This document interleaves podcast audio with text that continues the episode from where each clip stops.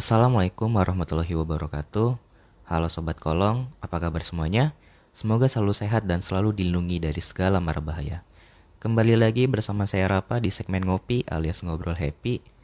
Um, rasanya udah lama ya nggak bersua di segmen Ngopi. Soalnya terlalu disibukkan sama urusan revisi skripsi, wisuda, mengisi voiceover dan persiapan tes di BUMN. Ya lumayan capek juga sih. Untuk kalian yang masih kuliah, kalau masih semester muda, banyakin main atau aktif di organisasi ya.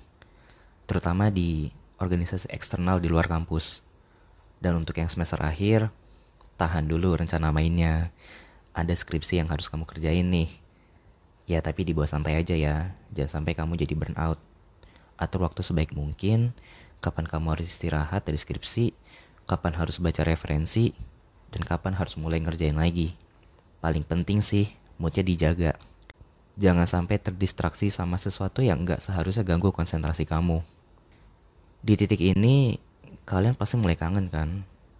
Entah sama kegiatan kalian di awal masuk kuliah, mungkin suasana saat ospek kampus, kangen suasana makrab jurusan, organisasi, atau mungkin kangen sama mereka. Entah mungkin mereka itu adalah teman kuliah, teman main, atau mungkin kenalan dari medsos anonim, sampai seseorang yang spesial untuk kalian dalam definisi apa pun. Kalau dipikir, lucu juga ya, sekaligus menyakitkan. Memikirkan bagaimana mungkin yang dulu sedekat nadi, sekarang sejauh matahari. Cielah, puitis banget ya rasanya. Yang dulu mau ketemu atau mainnya tinggal main, sekarang boro-boro. Di chat aja belum tentu seramai dulu. Bahkan ada yang kembali terasing. Entah karena ada masalah atau sibuk mengejar impian masing-masing. Dari sini kita cuma bisa memendam perasaan kangen. Entah kangen sama orangnya atau sama suasananya. Kita nggak bisa memaksa. Tapi kita bisa bersabar dan mendoakan yang terbaik untuk mereka. Semoga mereka selalu sehat tercapai apa pun yang mereka inginkan, menemukan cinta sejati, sampai hal yang hanya bisa diucapkan secara spontan oleh hatimu. Untuk yang sudah wisuda dari lama, bahkan mungkin sekarang sudah bekerja, mungkin hal itu udah jadi kebiasaan baru ya. Atau mungkin masih terus berkomunikasi, dan sesekali kalian menyempatkan waktu untuk bertemu kan? Kalau iya, selamat kamu masih bersama mereka yang menguatkan kamu di saat kamu rapuh. Entah karena cinta atau lingkungan yang toksit. Dan untuk kalian yang udah merasa sendiri, entah ke mana perginya teman-temanmu itu, biasakan diri ya untuk tetap kuat mulai dari sekarang. Ya soalnya karena memang kita nggak bisa mengharapkan kepada siapa pun selain berharap sama diri sendiri supaya tetap kuat dan bisa melewati semuanya. Ya seperti biasanya, meski harus tertatih. Mungkin memang benar, keberadaan sahabat, keluarga, bahkan seseorang yang spesial bisa membantu kita untuk menjadi lebih baik. Entah saran atau dukungan yang diberikan, sampai hal-hal yang bisa membuat mood kita tetap aman seperti biasanya. Tapi terkadang, sumber luka dan kehancuran terbesar asalnya juga dari orang terdekat. Entah itu keluargamu, sahabat, bahkan kekasih yang dulu selalu kamu banggakan. Akan ada masanya mereka akan menjadi sumber luka terhebat kita. Ya setidaknya beberapa kutipan mengatakan itu. Kita semua pastinya nggak mau kan hal itu terjadi. Dengan hebatnya, semangat, harapan, impian, bahkan perasaan dihancurkan dengan mudahnya hanya karena kita terlalu percaya. Dekat bukan berarti kita harus percaya seutuhnya. Mungkin kalau kita lagi sendiri, peringatan untuk tidak mudah menyerahkan kepercayaan ke orang lain, ya pastinya akan dengan mudahnya untuk diiakan dan dijalani. Tapi kalau sudah jatuh cinta, merasa nyaman, ya apalah itu namanya, pasti langsung balik lagi kan ke setelan pabrik alias mudah percaya. Terserah sih, tapi ingat, hidup harus selalu bersiap dengan segala kemungkinan terburuknya. Siap bukan berarti bisa terhindar. Setidaknya bisa meminimalisir rasa sakit dan kecewa yang kamu terima. Setelah mendengarkan ini, kalian jadi overthinking gak sih? Terutama ketika saya bilang, kalau di dalam hidup ini akan selalu ada kemungkinan yang akan terjadi. Terlepas dari yang kita perkirakan atau tidak. Yang entah akan bermuara pada kebahagiaan atau pada kesedihan. Sudah berapa banyak dari kita yang mengalami kemungkinan yang gak pernah kita harapkan sebelumnya? Banyak banget kan pasti. Dan kebanyakan dari kita yang gak siap pasti bisa kaget, tertekan, bahkan mungkin depresi. Tapi kalau dipikir lagi, bahkan untuk orang-orang yang siap akan kehilangan pun pasti akan merasakan kesedihan yang mendalam. Terutama bila seseorang yang hilang itu adalah seseorang yang sangat berarti. Iya kan? Jujur aja, pada awalnya tema ini stuck karena bingung mau bahas apa lagi di sini. Kayak nggak ada lagi yang bisa dibahas. Padahal tuh rasanya masih banyak banget yang harus diceritain. Sampai pada suatu ketika, seseorang yang dulu menghilang dari hidup saya, kini kembali lagi. Rasanya sih mau setel lagunya kangen band yang judulnya kembali pulang. Pada awalnya, rasa senang campur kaget. Ya karena saya pikir ini nggak akan terjadi. Bahkan saya pikir dia udah lupa sama saya. Ya soalnya kalau dipikir lagi, ya siapa saya? Dilupakan mungkin udah jadi kebiasaan. Makanya ya wajar aja kalau kaget semisal masih ada yang mengingat saya. Bahkan setelah sekian purnama gak ada kabar. Terlebih dia juga udah punya kehidupan baru. Mungkin kalian bertanya-tanya tentang hal apa yang membuat saya pada akhirnya jadi overthinking. Bukannya harusnya senang ya kalau seseorang yang dulu pergi kini telah kembali lagi pada kita. Terlebih ya saya sendiri juga masih sayang sama dia. Tapi sayangnya gak sesederhana itu cerita kali ini. Intinya dia masih memiliki hubungan dengan yang lain. Seseorang yang telah merebut dia dari kehidupan saya.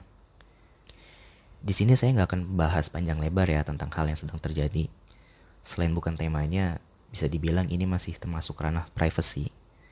Tapi ya silahkan kalian tebak-tebak sendiri siapa orang itu.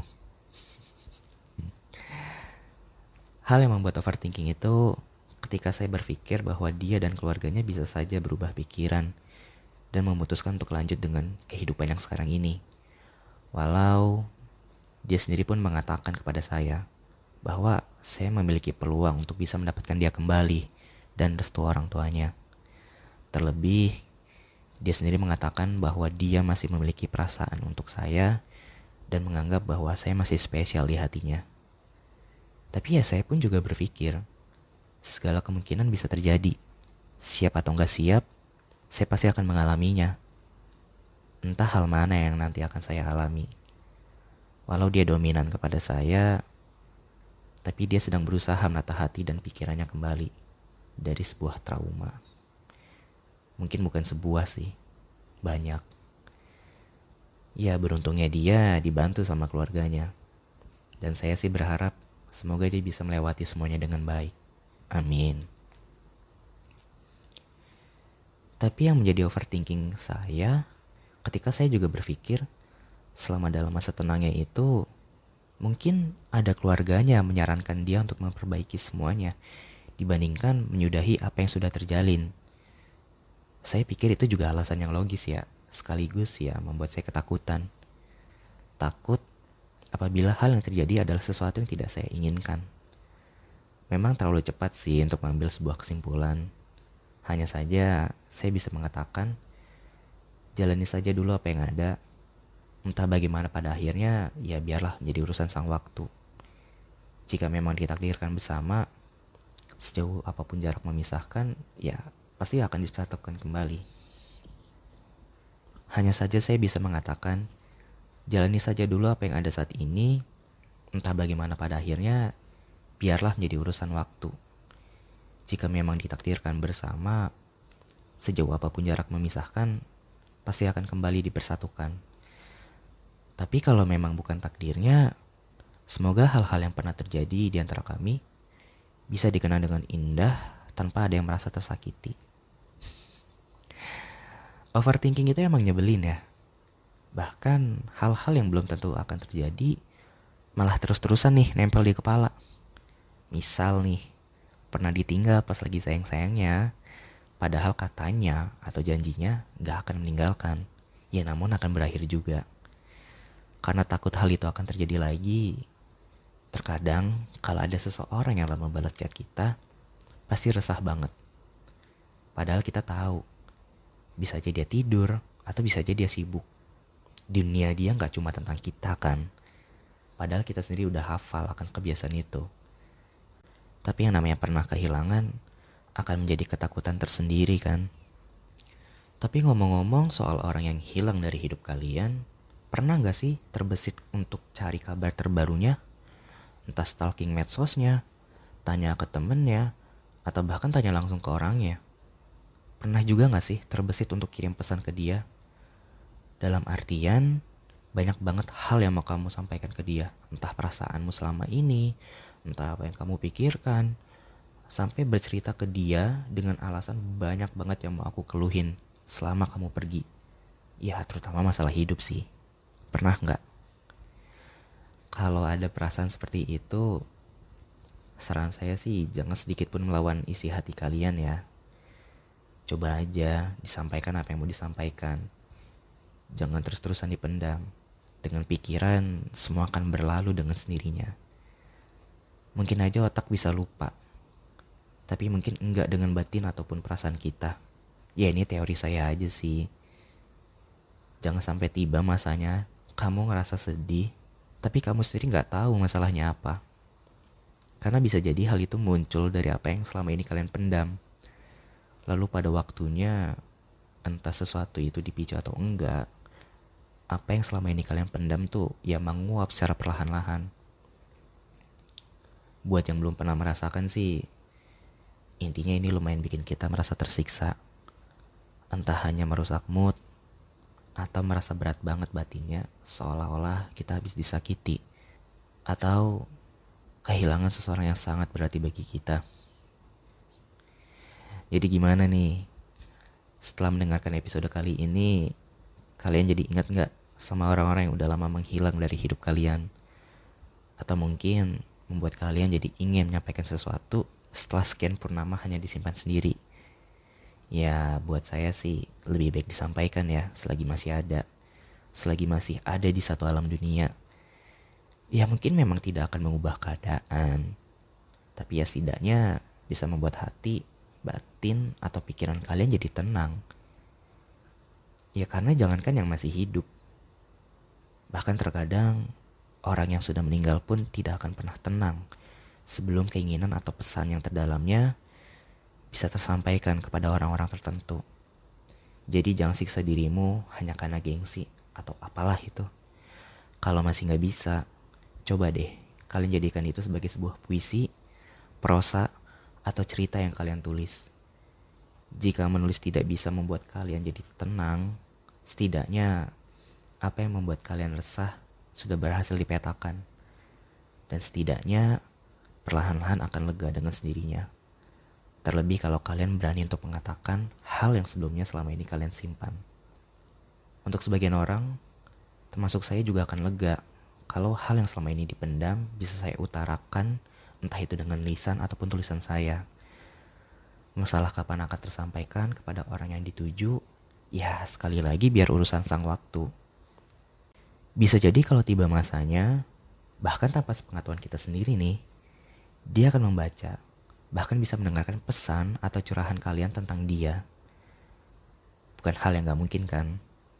Kalau dia mendengarkan itu semua sambil tersenyum kecil. Iya kan?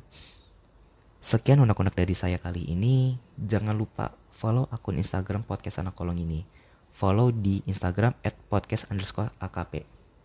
Dan untuk di TikTok kita juga baru bikin nih. Dan ya postingannya masih kosong sih. Untuk username-nya pun juga sama at podcast underscore akp. Oke, sampai ketemu lagi di episode berikutnya. Wassalamualaikum warahmatullahi wabarakatuh.